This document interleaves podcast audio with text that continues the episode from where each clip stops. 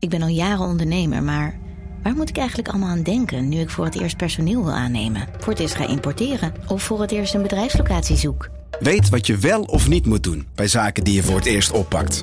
Check kvk.nl voor praktische stappenplannen. KVK, hou vast voor ondernemers. Hey podcastluisteraar. Ook op zoek naar een relevante invulling van je schaarse luisteruren? Tune dan in op de podcastserie ESG, even samengevat van BNP Paribas. Wij, Marloes en Aldert, spreken daar duurzame voorlopers en wereldverbeteraars. Waarover dan? Nou, bijvoorbeeld of we ooit duurzaam kunnen gaan vliegen. En waarom koeien in de stad nou een goed idee is? Dat en meer elke twee weken in een nieuwe aflevering. Dus abonneer je. ESG, even samengevat.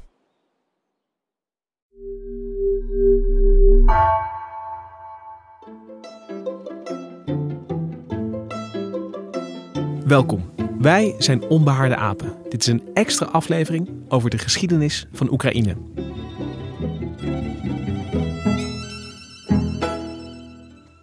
We nemen deze aflevering op op donderdag. Dat is goed om te zeggen, omdat er veel gebeurt in Oekraïne op dit moment. Uh, en tegelijkertijd is het denk ik extra belangrijk om uh, stil te staan bij de geschiedenis van Oekraïne en uh, de gedeelde geschiedenis met Rusland. En daarvoor zit ik hier in de studio met Hubert Smeets. Um, jij bent historicus, oud-correspondent Sovjet-Unie en Rusland. Heel fijn dat je hier vandaag zit. En ik zit hier ook met Bart Funnekotter, redacteur geschiedenis. Ja. Geschiedenis is um, denk ik om twee redenen belangrijk nu. Uh, ten eerste omdat de geschiedenis gebruikt wordt. We hebben hem uh, een, een, toespraak van Poetin gehoord op maandagavond. Met een hoofdrol voor in de geschiedenis, waarin de geschiedenis opnieuw verteld werd, eigenlijk als legitimering voor wat uiteindelijk een invasie werd. Uh, en de geschiedenis is belangrijk om, uh, denk ik, uh, om te begrijpen wat er hier gebeurt. Um, om om te, begrijpen waarom er nu een, een inval plaatsvindt. Dat heeft natuurlijk te maken met wat er in de decennia hiervoor is gebeurd ook. Dus die twee aspecten zou ik graag vandaag met jullie bespreken en behandelen. En Hubert, zou ik eerst aan jou mogen vragen, die toespraak van Poetin. Um, wat zagen we daar gebeuren? Hoe werd de geschiedenis eigenlijk opnieuw verteld door, door de bril van Poetin? Nou, daar is Poetin al uh, een jaartje of vijftien mee bezig. Uh, en eigenlijk zijn al die toespraken of artikelen die Poetin schrijft over de eenheid van de Wit-Russische, Klein-Russische en Groot-Russische volkeren. Wit-Russen zijn de bewoners die thans de staat Belarus hebben. Uh, Klein-Russen is zijn terminologie voor Oekraïners en Groot-Russen dat is de terminologie voor zichzelf. In al die stukken, uh, toespraken, artikelen, essays, is de hoofdlijn: er is een duizendjarige geschiedenis. Die heeft ons verbonden. Uh, we zijn cultureel, linguistisch, religieus, eigenlijk één volk. En dat onderbouwt hij maandagavond met een toespraak die eigenlijk helemaal voldoet aan het patroon van al zijn toespraken. Een derde van wat hij zegt is waar. Een derde van wat hij zegt is een hele specifieke eigen Kremlin-interpretatie van onontkoombare en onlogenbare feiten. En een derde is gewoon gelogen. En dat deed hij maandag ook. Met name uh, wat hij zei over de ontbinding van de Sovjet-Unie en wat daarna gebeurd is, dat was klinklare kletskoek. Uh, maar ook wat daarvoor gebeurde, is eigenlijk allemaal één groot proces richting een complot. Een complot tegen Rusland. Dat complot tegen Rusland dat voltrekt zich over het algemeen op kritieke momenten via Oekraïne. Oekraïne, met andere woorden, is in de ogen van Poetin een instrument voor westerse machten. Of dat nou Polen zijn, of Habsburgers, of Amerikanen nu. Die via Oekraïne proberen om um, Rusland de voet dwars te zetten. En dat noemt hij de anti-Rusland-coalitie. En dat is uh, eigenlijk de hoofdlijn in al zijn toespraken. Afgelopen maandag kwam dat allemaal samen in die ene bundeling van vijf kwartier verbitterde, briesende tekst. Want het was niet een politicus die uh, de geschiedenis op een rustige manier gebruikte, maar op een ja, bijna hysterische manier. Maar wat Poetin doet, kort gezegd, is helemaal wat de bolsjewiek en filosoof Pakrovsky in de jaren twintig al zei. Geschiedschrijving is eigenlijk niks anders dan hedendaagse politiek geprojecteerd op het verleden. Uh, dus je moet niet naar hem luisteren alsof hij een historicus zou zijn. Al is het maar een amateurhistoricus. Je moet altijd naar hem luisteren met het idee in je achterhoofd. Wat is zijn politieke motief en wat is zijn politieke doel met deze tekst, met dit essay? Ja, en daarmee geef je eigenlijk al het antwoord op een heel belangrijke vraag. En dat is in hoeverre uh, die, die ja, verre geschiedenis er eigenlijk toe doet. En jij zegt eigenlijk hij doet ertoe omdat hij nu gebruikt wordt als verantwoording voor de, de motieven van Poetin zelf. Ja, Poetin heeft van Oekraïne zijn, ja, ik, ik denk, obsessie gemaakt. En die obsessie die komt denk ik voort, dat weet ik niet, want ik heb hem daar nooit over gesproken, Poetin bedoel ik. Maar die komt denk ik voort uit een, uh, uit een essay een vluchtschrift wat Alexander Solzhenitsyn, de, de beroemde Nobelprijswinnaar, die de Gulag-archipel geopenbaard heeft voor ons ook in het Westen, geschreven heeft in het najaar, volgens mij september 1990. Dat essay heette Hoe herbouwen wij Rusland? En in dat essay uh, schrijft Solzhenitsyn toe naar een nieuwe Slavische Unie van Belarus, Wit-Russen, uh, Klein-Russen, Oekraïne, Groot-Russen, Rusland zelf en het noorden van Kazachstan. Waar de Russisch sprekenden toen nog in de meerderheid waren. Dat is de kern van het grootste Rusland wat Solzhenitsyn zich voor ogen had. En mijn indruk is dat Poetin daar naartoe werkt. Bart, je bent ook historicus. Um, ja, ik ben afgestudeerd in Russische geschiedenis. nou, dat komt uh, alleen maar extra van pas hier. Jij hoorde die uh, toespraak of je las erover. Mm de, de geschiedenis wordt op dat moment uh, misbruikt, gebruikt. Ja, zoals wel vaker uh, met de geschiedenis gebeurt als politici zich er uh, aan het edele vak van de geschiedschrijving wijten, inderdaad. Ja. En, en, en past, dit, past dit nou in, in ik, ik heb veel vergelijkingen gehoord, maar past dit in, in een patroon van autocraten die, die zeg maar teruggrijpen op geschiedenis om eigenlijk verantwoording ja, te zoeken voor hun, voor hun daden, voor hun ingrijpen? Heel vaak wordt geschiedenis ingezet natuurlijk in het kader van revanchisme en dus om nu niet meteen om eh, Poetin met Hitler te vergelijken, maar de, de, obsessie met de geschiedenis van de naties was natuurlijk ook een vorm van revanchisme. Het, het, het corrigeren van zaken die uh, Duitsland waren aangedaan in het verleden en die nu rechtgezet uh, moesten gaan worden. Kijk, als in Nederland politici zich met geschiedenis bezighouden, leidt het vaak tot onschuldige blunders. En dan kan je er plezier om hebben. Uh, als het gaat om uh, politici die in een soort van uh, alleenheerser zijn van een land, dan, dan, wordt het, dan wordt het anders. Dan is het niet meer zo leuk. wat ik graag met jullie zou doen, is toch de, de geschiedenis van Oekraïne inkijken. Om, om te zien hoe die zich verhoudt tot, tot ja. Nou wat, wat Poetin ons voorgespiegeld heeft. Of, of hoe hij dat verbuigt of, of interpreteert. Um, maar ook met als doel om te begrijpen hoe we tot dit punt gekomen zijn. Dus eigenlijk een, een, een tweeledig doel ik uh, zal eerlijk zeggen, ik weet zelf hier uh, weinig van. Ik ben geen historicus, ik weet weinig van de geschiedenis. Dus ik ga uh, misschien ook domme vragen stellen. vergeef me daarop. Ik, doe het alleen maar om te leren. En ik hoop ook dat de luisteraars er, er veel van kunnen opsteken. Ja om te beginnen. Ik weet inmiddels sinds deze week dat uh, Kiev ouder is dan, uh, dan Moskou. Daar, ja. om, om even aan te geven waar ik ben begonnen. Waar begint iets wat we als, als Oekraïne uh, aan zouden kunnen duiden? Of in ieder geval Kiev? Je kan natuurlijk heel ver teruggaan. Maar ik denk dat een redelijk punt om te beginnen is de periode die wij van de grote volksverhuizing noemen. Die begint in de vierde, vijfde eeuw na Christus. En dan komen de volkeren die wij Oost-Slaven zijn gaan noemen. Die komen vanuit een gebied dat ongeveer de Karpaten is en de uh, Pripyat-moerassen uh, in wat nu Oekraïne is. Waaieren die uit over uh, wat nu Rusland, Oekraïne en Wit-Rusland is. En dat zijn een heleboel verschillende Oost-Slavische stammen. En die hebben, ja, die vechten met elkaar vrij frequent. En op een gegeven moment, en dat is interessant, vragen ze de, de vikingen die op dat moment, we hebben het dan over de negende eeuw, uh, die op dat moment uh, aan een expansie bezig zijn. We hebben eerder een aflevering over de, de vikingen gemaakt, hè, aflevering 94 van Onbehaarde Apen. Dat ging vooral over wat de vikingen in het westen allemaal uithaalden, maar ze waren uh, minstens zo actief in het oosten. En op een gegeven moment vroegen de Slavische stammen uh, in het gebied dat wij nu Rusland, Oekraïne, Wit-Rusland uh, noemen, aan zo'n vikinghoofdman, uh, kom hier orde op zaken stellen, want we komen er met z'n allen niet uit. Hè. Dat willen dan de historische bronnen zoals we die hebben. De belangrijkste bron daarvoor is wat de, de Nestor-chroniek wordt genoemd. En die is in de, in de 12e eeuw geschreven in, in, in Kiev. De vikingen werden uitgenodigd, ze werden de, de Varjagen genoemd. En de eerste Varjaken koning, die vestigde zich in Novgorod, in het noorden, relatief noorden van Rusland. En die heette Roerik. En die breidde dat, dat, dat rijk van de Varjaken uh, die uit. Zijn nazaten verhuisden toen al vrij vlot naar Kiev. En daarmee was Kiev dus de eerste hoofdstad van dat rijk. En dat, dat, dat rijk, dat heette de Roes. Uh, en daar komt uh, uiteindelijk de naam uh, Rusland vandaan en, en het Russische volk. Dus je ziet dan voor het eerst een soort van, ja, ik zeg nu eenheidsstaat, maar zo kan je dat natuurlijk helemaal niet noemen. Maar er wordt dat hele gebied samengebracht onder één heerser. En dat zijn dan inderdaad Roerik en vooral zijn nazaten, die dus de Roes bestieren.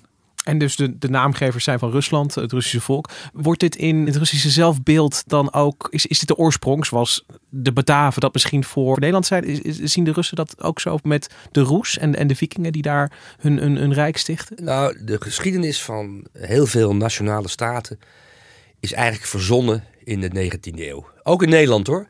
Ja, ook, ook, ook, in Nederland is in de 19e eeuw uh, zeg maar een soort van identiteit, nationale identiteit geconstrueerd, die onvermijdelijk moest leiden tot één nationale staat. Uh, dat is in Rusland exact hetzelfde gebeurd. En uh, ik vind het heel lastig om te zeggen of die interpretatie van de Nestor-kliniek, waar, Bart het over heeft, die komt voor deel uit de 19e eeuw, of dat wel een, een reële weerspiegeling is van de werkelijkheid uit de 10e, 11e, 12e, 13e eeuw. Maar feit is wel dat het geestelijk centrum van wat lange tijd in Rusland Kiev-Roes is genoemd, hè, dus het, het Kievse Roes, uh, in Kiev lag. Eerlijk gezegd vind ik de geschiedenis pas interessant worden uh, na het Weense congres als het gaat om Oekraïne. Want dan zie je ook in Oekraïne zich een nationale geschiedschrijving begint zich te ontwikkelen. Uh, en een nationaal gevoel te ontwikkelen, et cetera, et cetera. Het Weense congres, even een, om een jaar te 14, 1815. Napoleon. Dat is het congres waarmee de Napoleontische oorlogen worden beslecht. En de kern van dat congres is dat Alexander I... Uh, tsaar van Rusland. De tsaar van Rusland, ja. En uh, de, de, koning van Pruisen, dat is nog geen keizer volgens mij dan. Hè? Nee. nee, zeker. En, en Engeland, die verdelen dan Europa, zeg maar een Jalta avant la lettre, verdelen Europa langs politieke lijnen. En uh, daarmee worden uh, eigenlijk alle nationale ambities, culturele ambities die er zijn in Oost-Europa, van de Oder tot aan uh, de Elbroes en de, en de Dnieper, worden genegeerd. Polen bestaat niet. Oekraïne is deel van Rusland, een deel is van het Habsburgse Rijk. De Baltische landen die komen bij de Russische tsaar. Finland is dan ook nog eh, onderdeel van het, tsaristische rijk. En, en, het, en het tsaristische rijk, meer of minder, eh, dat hangt een beetje af van de toestand in het rijk, heeft zich voorgenomen om al die nationale aspiraties die er zijn, van Finland tot en met tot, tot Oekraïne, te negeren of te onderdrukken. En dat komt nu allemaal boven water. Dus alles wat we gezien hebben sinds de, de Koude Oorlog, de val van de muur in 1981, eh, 89, 1991, dat is eigenlijk, zou je kunnen zeggen, allemaal vlees wat uit het vriesvak is gehaald en ineens begon te rotten. Het had eeuwenlang in dat vriesvak gezeten. Niemand in permafrost, om maar zo te zeggen. En niemand had er last van. En dat komt nu allemaal naar boven. En er is één man in Europa die dat niet accepteert. En die uh, vindt dat uh, dat rottende vlees ten onrechte aan het rotten is. En dat is Poetin. Dus wat hij wil is eigenlijk de geschiedenis terugdraaien. Uh, hij, zou, hij zou terug willen naar dat Weense congres van 1815. Heeft hij zelf, zijn niet mijn woorden, heeft hij zelf gezegd. Hij heeft gezegd dat de hoogtepunten in de Russische geschiedenis zijn het Weense congres en de topconferentie van Jalta 1945, waar Europa werd verdeeld. En daar zitten mensen in de weg. En volkeren. En praktische bezwaren. En weemoed die er s'avonds komt en niemand kan verklaren. Dat zijn de dat zijn de Polen, dat zijn de Belarussen, dat zijn de Letten, de Litouwers en dat zijn bij uitstek de Oekraïners. En we kunnen zeggen dat op dit moment in, in we hebben het dus over de, de, de vroege 19e eeuw, dat er wel degelijk sprake was van een, een volk dat zichzelf Oekraïens uh, dat zou noemen. Dat begint in de, in de 19e eeuw op een klassieke manier, hè, dus de, de, de romantiek. Uh, leidt overal in Europa tot een verlangen om je identiteit niet meer alleen maar te ontlenen aan het dorp of aan de stad waar je woont, maar de identiteit wat cultureler en ook wat, zoals we later zouden zeggen, nationaler te formuleren. Dat gebeurt in de Oekraïne ook. dus de beroemdste dichter, uh, de beroemdste schrijver van Oekraïne, dat is uh, Gogol. Die komt uit Paltava. Eh, maar dat, die voelde zich gewoon, ja, wat hij zich voelde weet ik niet, ik heb hem nooit kunnen vragen. Maar die was deel van de Russisch-talige cultuur. Eh, en dan is er een dichter, dat een vrijgemaakte slaaf. Uh, dat is wel even belangrijk trouwens om er straks nog even over te hebben. Over horigheid en lijfeigenschap. Ja. En die heet Taras Shevchenko. En die ontwikkelt, niet ontwikkelt, maar die gaat op zoek naar eh, het unieke van de Oekraïnse taal en draagt zo bij aan het Oekraïens als zelfstandige taal. Zoals PC Hoofd dat in Nederland gedaan heeft, om, om maar even een buitenplaats te noemen. Want een taal moet gecodificeerd worden en dat gebeurt vaak door mensen uit de literaire wereld. Dat heeft hij gedaan. En vanaf dat moment hebben Oekraïners het gevoel dat ze een taal hebben waarmee ze met elkaar kunnen communiceren en zich cultureel kunnen, uh, kunnen uitdrukken.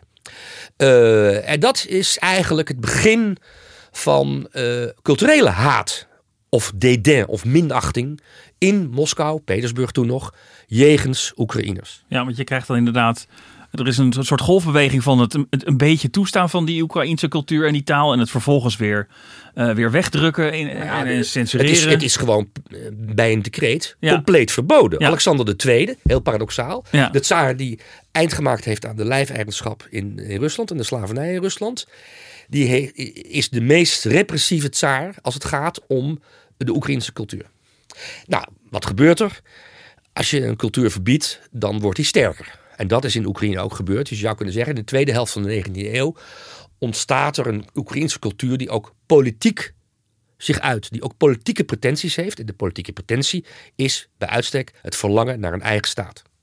En, en op dit moment omvat het, het Tsaristische Rijk zeg maar nog uh, grote delen de, van, van, de, van Europa die we nu uh, niet... Die we nu Polen noemen, ja. Litouwen noemen, Estland, Letland. Ja. Waar we het niet in ons hoofd zouden halen om, om dat uh, ook maar een beetje Russisch nee. te noemen. Nee, Litouws is, is geen Slavische taal. Het Lets al helemaal niet. Nee.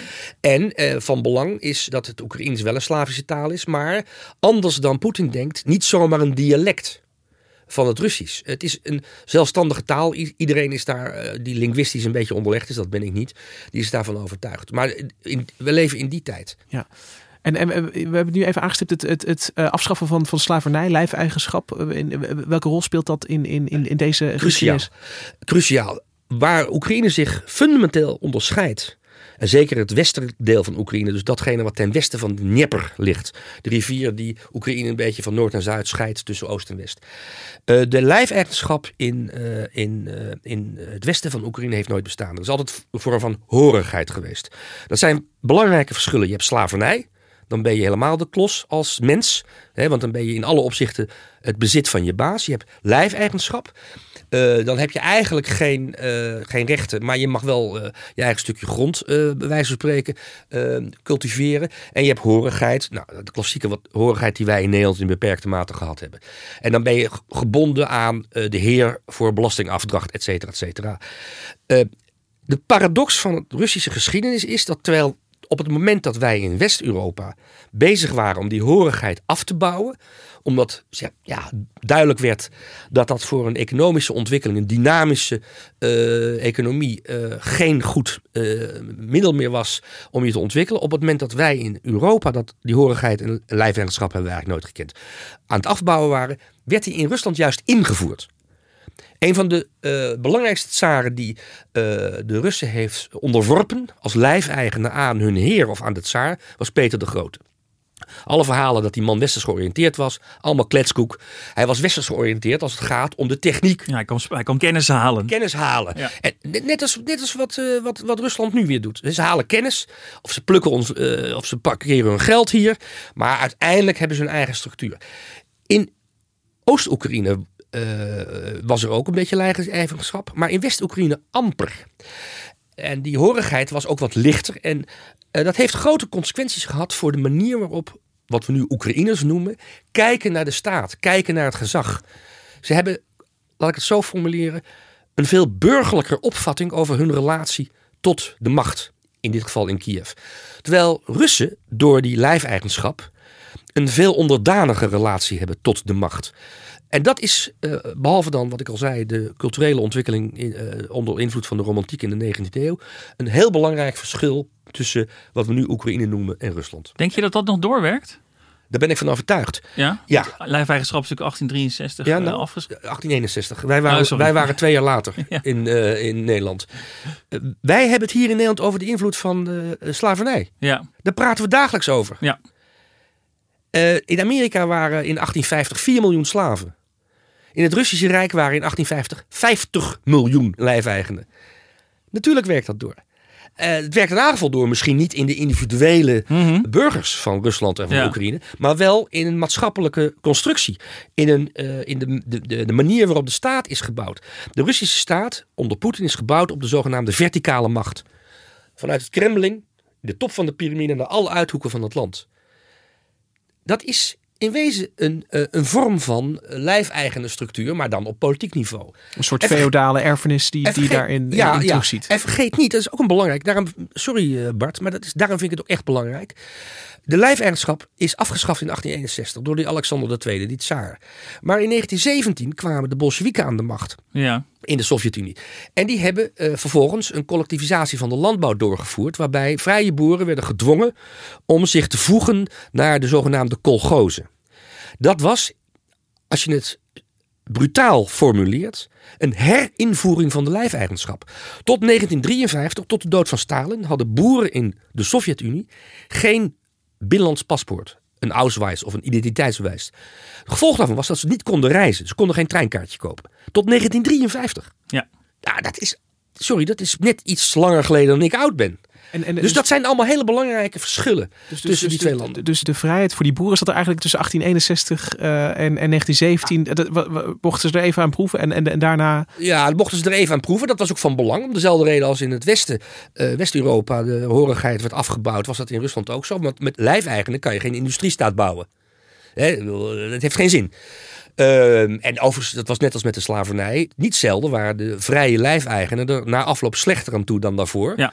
Eh, maar goed, dat is een bekend fenomeen ook in, in Amerika. Eh, omdat ze ineens, eh, de, de bazen kregen geld. Hè? Het beroemde boek Dode Zielen gaat over hoe eh, heren, die, die lijfeigenen hebben, gecompenseerd worden voor het verlies van hun lijfeigenen per kop. En nou, niks is mooier natuurlijk dan om allemaal mensen eh, administratief te creëren waar je geld voor krijgt die nooit bestaan hebben. Vandaar dode zielen. Maar eigenlijk is dat maar heel kort. En dat is nou, twee generaties. En, en Meer nog, niet. nog iets anders. Uh, kan ik uit je verhaal opmaken dat binnen de grenzen van wat nu Oekraïne is, dat daar ook een verschil in zit tussen uh, het Westen en het Oosten? Een, een meer burgerlijk, cosmopolitischer georiënteerd Westen ten- opzichte van. Ja, Heeft dat Oosten meer onder dat, dat, uh, dat, dat juk gezeten? Er is, er is van- nog een heel deel van het Westen waar we het nog niet echt over hebben gehad. En dat is het gedeelte dat eh, lag in eh, Oostenrijk-Hongarije. Eh, het gebied rond eh, wat nu Lviv is en eh, eh, toen Lemberg eh, heette. Dat is een, een gedeelte van de Oekraïnse natie, zo je wil. Die pas eh, bij Oekraïne is gevoegd na 1939. Toen eh, Stalin en Hitler eh, Polen eh, opdeelden. En toen na 1945 heel Rusland naar het westen opschoof. En Polen als compensatie een stuk van het oosten van Duitsland kreeg. Maar daar woonden ook Oekraïners, mensen die de taal spraken. En die zich tot die cultuur eh, voelden horen. En die hebben een eeuwenlang geleefd onder een, een hele andere eh, multinationale staat. Namelijk die van het, van het Habsburgse Rijk. En die hadden natuurlijk ook een heel ander begrip. Eh, Die had, die- die- hoewel het, was daar ook geen pretje. Er wa- was ook vormen van wat je lijfeigenschap en horigheid zou kunnen, zou kunnen noemen. Maar daar, Zeker, nee, dat ontken ik ook niet. Ja. Maar, maar het, het waren toch mildere vormen. Ja, absoluut. En dan zou ik het nu graag hebben over, eh, over 1917. Het jaartal is al even gevallen. Eh, revolutie, eh Bolsjewieken. Wat betekent dat voor, voor Oekraïne? Niet alleen Bolsjewieken, ook nationalisten. Oekraïne, Kiev kent zijn eigen revolutie. En net zoals de rest van het tsaristisch Rusland breekt er vervolgens een burgeroorlog uit. En eh, in heel Rusland vechten de roden tegen de witten. En de witten zijn dan de, de, de anti- anti-Bolsjewieken. en in Oekraïne, Kiev, is er nog een extra partij bij. En dat zijn de nationalisten. En die zien, denken hun kans schoon te zien om een nationale Oekraïnse staat te stichten. Nou, de, de Lenin en zijn kameraden eh, denken daar heel anders over. Er, er, er is oorlog. Kiev wordt een aantal keren veroverd. Maar uiteindelijk trekken de Bolsjewieken, net zoals in de rest van eh, Rusland, aan het langste eind. En wordt ook, Oekraïne aan de zegenkar eh, gebonden. En wordt eh, uiteindelijk onderdeel van wat de Sovjet-Unie zal worden. De hoofdlijn is inderdaad wat Bart zegt. maar ik moet hem toch corrigeren namens Vladimir Poetin. Want de redenering van Bart is precies de redenering die Poetin niet heeft. Dus Bart zegt, Oekraïne werd aan de zegenkar van de Bolsjewieken gebonden. Poetin zegt iets heel anders. Poetin zegt, Oekraïne bestond niet tot 1917. En het is de, eh, je zou kunnen zeggen, landverrader Lenin, de leider van de Bolsjewieken, die door die oor- burgeroorlog tussen de rode, de witte en de groene ehm, eh, de beslissing nam om de Oekraïners een eigen Sovjetrepubliek te geven. Die voordien waren het gouvernementen, meer niet. En de Oekraïners kregen in, na 1917 ineens een eigen Sovjetrepubliek. En daarmee is de Oekraïnse entiteit als eh, potentieel staatkundige entiteit gecreëerd door Lenin. In zijn toespraak van maandag voor het eh, Russische volk eh, noemde hij de naam Lenin elf keer in negatieve zin. Anders, ik, ik praat nu even namens uh, Ja, Poetin en ik corrigeer Bart even namens Ja, Kremlin. dit is, dit is hoe het Poetin zou, Ehm, zou reageren op Bart. Ehm, anders dan Stalin Ja, zeer. zei, eh, zei Poetin. Die had het allemaal veel beter door. Die wilde die Oekraïners een beetje autonomie geven, maar meer ook niet. Eh, dus die oktoberrevolutie is in de ogen van Poetin eigenlijk een anomalie. Een ramp. Een tragedie die zich voltrokken heeft over Rusland. Er zijn twee tragedies die het historische Rusland, zoals hij eh, zegt, heeft overmand. De eerste tragedie is de Oktoberrevolutie. En de tweede tragedie is uiteraard de ontmanteling van de Sovjet-Unie in 1991. Ja, want het interessante is dat na 1917, zeg de eerste 10, 15 jaar, toen mocht in Oekraïne ook de eigen taal gebruikt worden. Eh, was er een, een, Oekraïense universiteit. Dus eh, Lenin en, en direct in de periode daarna was een beetje het idee, we, dus we leven met heel veel verschillende nationaliteiten in deze Sovjet-Unie. Iedereen mag zich een beetje manifesteren op zijn nationale eh, manier. Ja, natuurlijk, eh, echt aan de touwtjes getrokken wordt er in, eh, in Moskou. Maar wat zie je? Dus dat Van der Weeromstaat in die 10, 15 jaar, dat, dat Oekraïense wijgevoel inderdaad, wat nu ook een eigen eh, republiek had, zich ook op een nationalistische wijze ontwikkeld. Daar had Stalin natuurlijk helemaal geen zin in. En die heeft natuurlijk vanaf de jaren 30 eh, zijn al die Oekraïense uitingen, culturele uitingen, zo je wilt, natuurlijk weer ernstig onderdrukt. Nou, sterker nog, eh, je zou kunnen zeggen dat een deel van de Oekraïnse identiteit vanaf begin jaren 30 is geliquideerd. Ja. Namelijk de collectivisatie van de landbouw. Dat gebeurde ook in het wat we nu Rusland noemen hoor. De, de gedwongen collectivisatie van vrije boeren. Maar omdat, we hadden het er al over, in Oekraïne de horigheid en de lijfeigenschap wat minder ontwikkeld was, waren er in Oekraïne veel meer vrije boeren. Eh, en die eh, collectivisatie van de landbouw heeft geleid tot, zoals bekend, een hongersnood. En ja, het, is, het is heel moeilijk om precies te berekenen wat de, eh, wat de kosten daarvan zijn geweest. Maar laten we een beetje aan de onderkant blijven van de berekeningen. Dat heeft 8 miljoen slachtoffers gekost. en even voor de kost. goede orde, wat dit betekent is, is boeren moeten hun land afstaan eigenlijk aan de Aan staat. de, aan de kolgozen. Ja. Ja. strikt genomen was het een collectieve boerderij. Ja? Geen, geen, geen staatsboerderij. En, en het gevolg daarvan was dat de boeren graan gingen opbergen op, op, op zolder. hun paarden gingen slachten om zelf nog wat te eten te hebben, et cetera, enzovoort. Eh, daar reageerden de Bolsjewieken onder leiding van Stalin weer op door eh, die boeren op te pakken. Het graan wat verborgen was te confisceren, et cetera, et cetera. En na verloop van één oogst, om maar zo te zeggen, periode, hè, leidde het volk honger. Want die boeren die hadden niet gewerkt, want die waren gearresteerd of die waren neergeslagen eh, die, of die hadden geen zin meer om te werken. Eh, en dat heeft in Oekraïne wordt dat gezien als een, een genocide. Dus de hongermoord, de Holodomor, ehm, die overigens ook in Rusland heeft plaatsgevonden hoor, geen misverstand daarover. Maar die wordt in Oekraïne gezien als een bewuste anti-Oekraïnse politiek van Stalin. En daar hebben ze ook wel wat argumenten voor.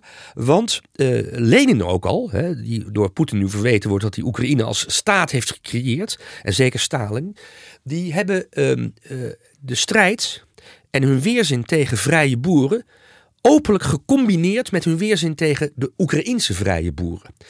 Ehm, dus dat is een, een belangrijk sentiment. Het gaat niet alleen maar om het onderdrukken van de, eh, de taal, maar het gaat om het ehm, vernietigen van een deel van het volk. En daarna is er na de oorlog nog een tweede Holodomor geweest. eh, met eh, nou, misschien toch wel een miljoen doden. Dat eh, is een beetje onduidelijk. Dus het, het is allemaal, dat is allemaal geen kattenpis. Dat gaat om hele serieuze. Eh, ja, wat, wat zal ik zeggen? Massamoord. Liquidaties, Ja. massamoord. Ja. En, en, en dit wordt dus als een, een ehm, eh, Russische eh, misdaad eh, tegen... Als een de- communistische misdaad. Ja. een communistische misdaad. Maar omdat de Russische regeringen van na eh, de eh, ontmanteling van de Sovjet-Unie eigenlijk nooit afstand genomen hebben van die Holodomor. En zich altijd eh, ja, verloren hebben in argumenten. Ja, maar in het Wolga-gebied werd er ook honger geleden. En in Noord-Kazachstan. Hè, Wat denken jullie wel, Oekraïners, om dat helemaal op jezelf te betrekken? Doe niet zo egocentrisch. Door die houding vanuit eh, Moskou is eh, eh, het verlangen om die eh, hongermoord als een soort van genocide eh, op te vatten en te interpreteren in Oekraïne alleen maar groter geworden. Ja, ja, dus zodat er geen ruimte is voor erkenning voor... voor Van het leed wat er aangedaan is. Ja, en eh, eh, Oekraïne onder de Sovjet-Unie, het, het- het is een eigen republiek, maar Ja. eh, je, je zegt eh, Bart, in het begin is daar meer ruimte voor eh Oekraïnse zelfexpressie dan, eh, dan, Ja. dan, dan later. Dat houdt vanaf inderdaad eh, dat eh, Stalins eh, strijd tegen de koelakken begint, hè, de, de rijke boeren. En dat was je al als je in plaats van één kip twee kippen had. eh, dan eh, stond je al op de nominatie om eh, gedeporteerd te worden, bij wijze van spreken. Er wordt die, die eh, vrije expressie, voor zover die er al was, de expressie wordt onderdrukt. En de, communistische partij wordt natuurlijk ook in de jaren dertig helemaal gezuiverd. Net zoals overigens als in de rest van de Sovjet-Unie. En uiteindelijk komt daar Nikita Khrushchev eh, bovendrijven. Die is opgegroeid in Oekraïne. Eh, wordt daar eerst de baas in Kiev en uiteindelijk wordt hij de baas van de Sovjet-Unie. Die heeft trouwens ooit Oekraïne toen in 1954 nog een cadeautje gedaan waar ze nu weinig eh, plezier van hebben gehad, namelijk de Krim. Hij heeft toen de Krim geschonken aan de deelrepubliek Oekraïne en dat was een geschenk van de Russische Sovjet-republiek. Dus eh, onder het communisme zie je dat het hele idee dat je, dat je als Oekraïner kon uiten binnen die Oekraïnse Sovjet-republiek, ja, dat, dat, dat, dat, dat was weg. Dat was een farce. Kon je nog Oekraïens spreken? Werd dat nog in het, in het publieke leven gedaan?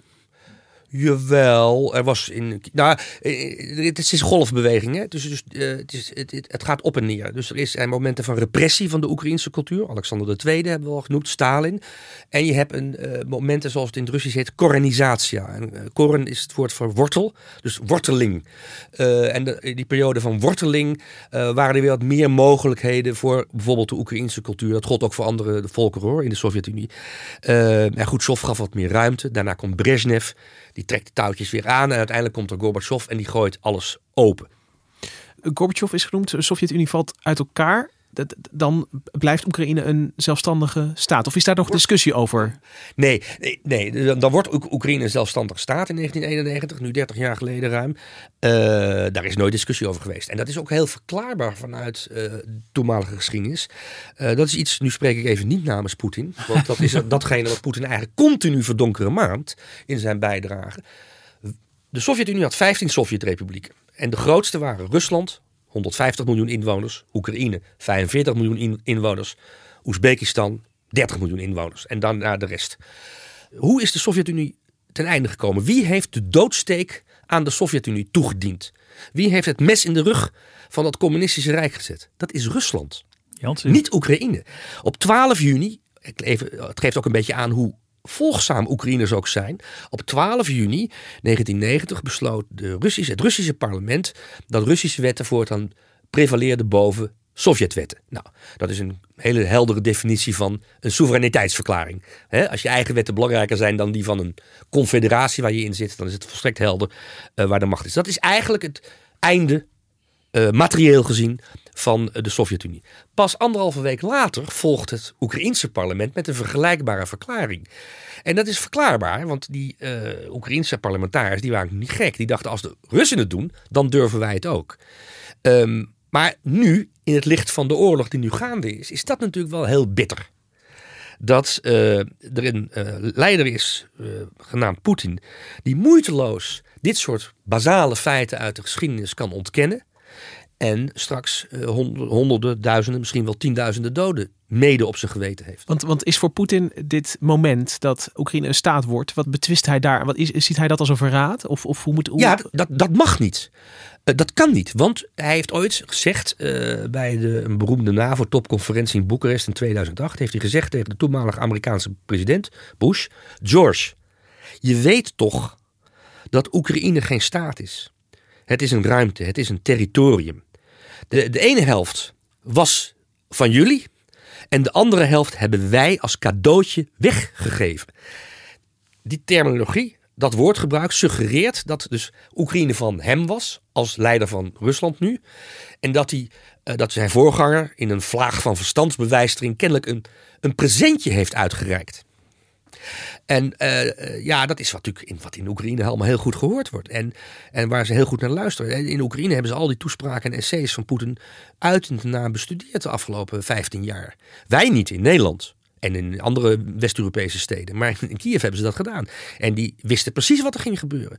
De kern van de zaak is, hij accepteert ons niet als soeverein buurland. Hij wil terug uh, naar de 19e eeuw, waarbij uh, de tsaar in Moskou of in Petersburg toen kan bepalen wat uh, miljoenen burgers in de rest van Europa te verdragen hebben. En nu komen we in de moderne geschiedenis. Want, want um, is het zo dat, dat in de jaren 90, uh, begin jaren 0, dat Oekraïne nog steeds heel erg uh, Rusland georiënteerd is, pro-Russisch? Of, of beginnen daar ook al. Nee, die Oekraïnse nationalisten die uh, hun hoogtepunt beleven met die soevereiniteitsverklaring van uh, juni uh, 1990 en later met de definitieve onafhankelijkheid in december 1991, um, die waren altijd anti-Russisch. Die spraken over Maskali, over 020. Maar um, in de oostelijke deel van Oekraïne en met name ook in het deel waar nu uh, als eerste de oorlog werd gevoerd, in Donbass, daar was men pro-Russisch. Uh, maar de Donbass is nooit Russisch gebied geweest in de, in de culturele zin van het woord. Want de Donbass was eigenlijk tot eind 18e eeuw vrij onbetekenend. Pas toen er kolen gevonden werden en later ertsen, werd dat gebied van belang voor de industrialisatie van het Russische Rijk en later de Sovjet-Unie. Dus je kan het een beetje vergelijken met de oostelijke mijnstreek. Ja. Uh, en uh, ook daar zie je in dat gebied van de Donbass zie je ook dat de burgers die daar nu wonen allemaal wortels hebben in het Verre Oosten, Griekenland, Bulgarije, Litouwen, Rusland zelf uiteraard, Oekraïne zelf. Uh, net als in de oostelijke mijnstreek opvallend veel mensen met een Poolse achternaam in het telefoonboek staan. Dat, dat is logisch. Hè? Dat type industrie trekt migranten aan, arbeidsmigranten. Terwijl als je naar Poetin zou luisteren, zou je bijna denken dat het allemaal Russen zijn die daar wonen. Ja, dat is hun lingua franca. Ja. Uh, zij spreken Russisch en hun gemeenschappelijke historische referentiekader is de Tweede Wereldoorlog. Uh, maar het zijn geen Russen, hoewel ik kan het compliceren, laat ik het niet te moeilijk maken. Maar het Russische etnos bestaat niet. Dat, nu spreek ik wel weer namens Poetin, dat zegt Poetin zelf ook. Hè. Dus uh, Russen kijken niet naar zichzelf, naar hun eigen etniciteit in bloed- en bodemtermen. Dat doen ze niet. Bloed speelt geen rol, dat is ook logisch. Want ze komen van overal. Ja. Dus als je bloedbanden belangrijk gaat vinden, dan wordt het een dun volkje, om maar zo te zeggen. Dus Poetin heeft ooit gezegd: wat is het Russische etnos? Dat werkt als, ik citeer, als een stofzuiger. Wij ruimen alle uh, etniciteiten ruimen we op. En de slechte dingen van die etniciteiten werpen we in de vuilnisbak. En de goede, daar maken we het nieuwe Russische etnos van. Uh, dat is wat hij tegen die Oost-Oekraïners ook zegt. Uh, en dat werkt, zeker. Ik denk dat in Oost-Oekraïne een groot deel van de bevolking zeker pro-Russisch is. Maar in het Westen niet. En daar komt bij dat in de afgelopen 30 jaar er ook zoiets is ontstaan als staatsburgerschap. En staatsburgerschap is een vorm van identiteit die losstaat van etniciteit. Dat is een politiek begrip. En dat is de afgelopen 30 jaar heel erg snel ontwikkeld in Oekraïne.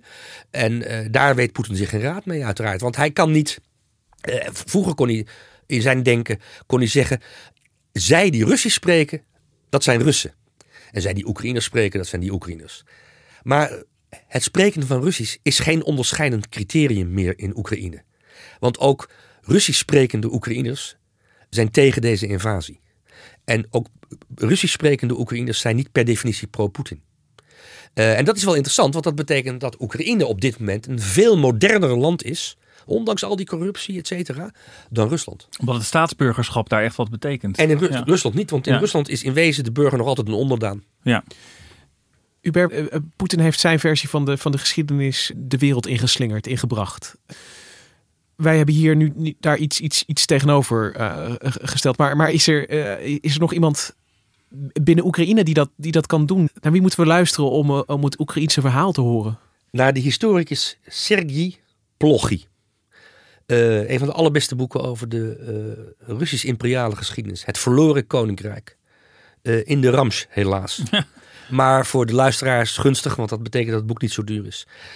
dit is een boek van een historicus vanuit een Oekraïns perspectief geschreven. Dus uh, het is niet uh, de absolute waarheid en niets dan de waarheid. Maar het is heel interessant hoe Plochy uh, de geschiedenis die Bart ook beschreven heeft, net altijd even kantelt. En, en dan zie je hoe ingewikkeld het is. Dus naar dit soort mensen Plochy luisteren lijkt mij een, een, een heel verstandig advies. En dat boek ook te lezen. Oké. Okay. Bart, heb jij ja. ook nog een tip, een, een, stem die we moeten horen? Ja, ik, die heb ik wel. Wat we nog, nog niet benoemd hebben, dat, dus dat Oekraïne betekent zoiets als grensland. eh, als je dat vertaalt. En de, nou, de hele tragiek die we nu de afgelopen, het afgelopen uur besproken hebben, heeft natuurlijk mee te maken dat Oekraïne ligt op de grens van Rusland, Polen.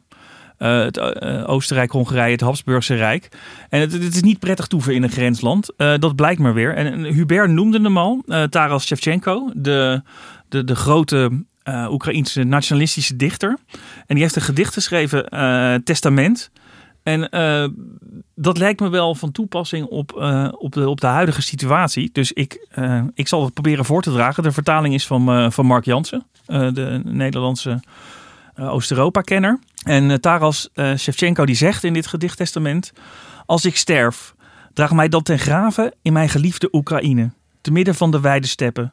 Zodat ik de oneindige velden en de steile oever van de Dnepr kan zien en kan horen. Hoe de rivier brult. Zodra zij het vijandelijke bloed van Oekraïne naar de Blauwe Zee voert, zal ik vertrekken. En zal ik de velden en de heuvels voorgoed verlaten.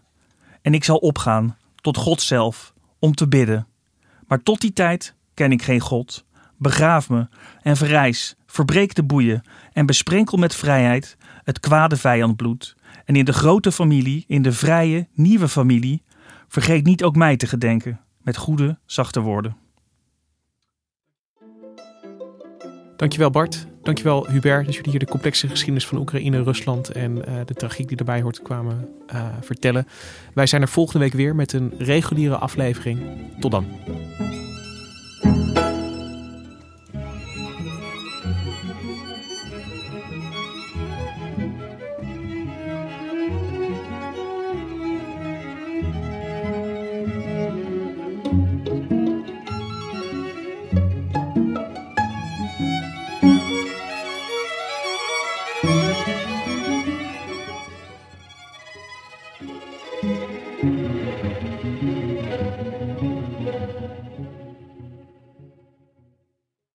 Technologie lijkt tegenwoordig het antwoord op iedere uitdaging.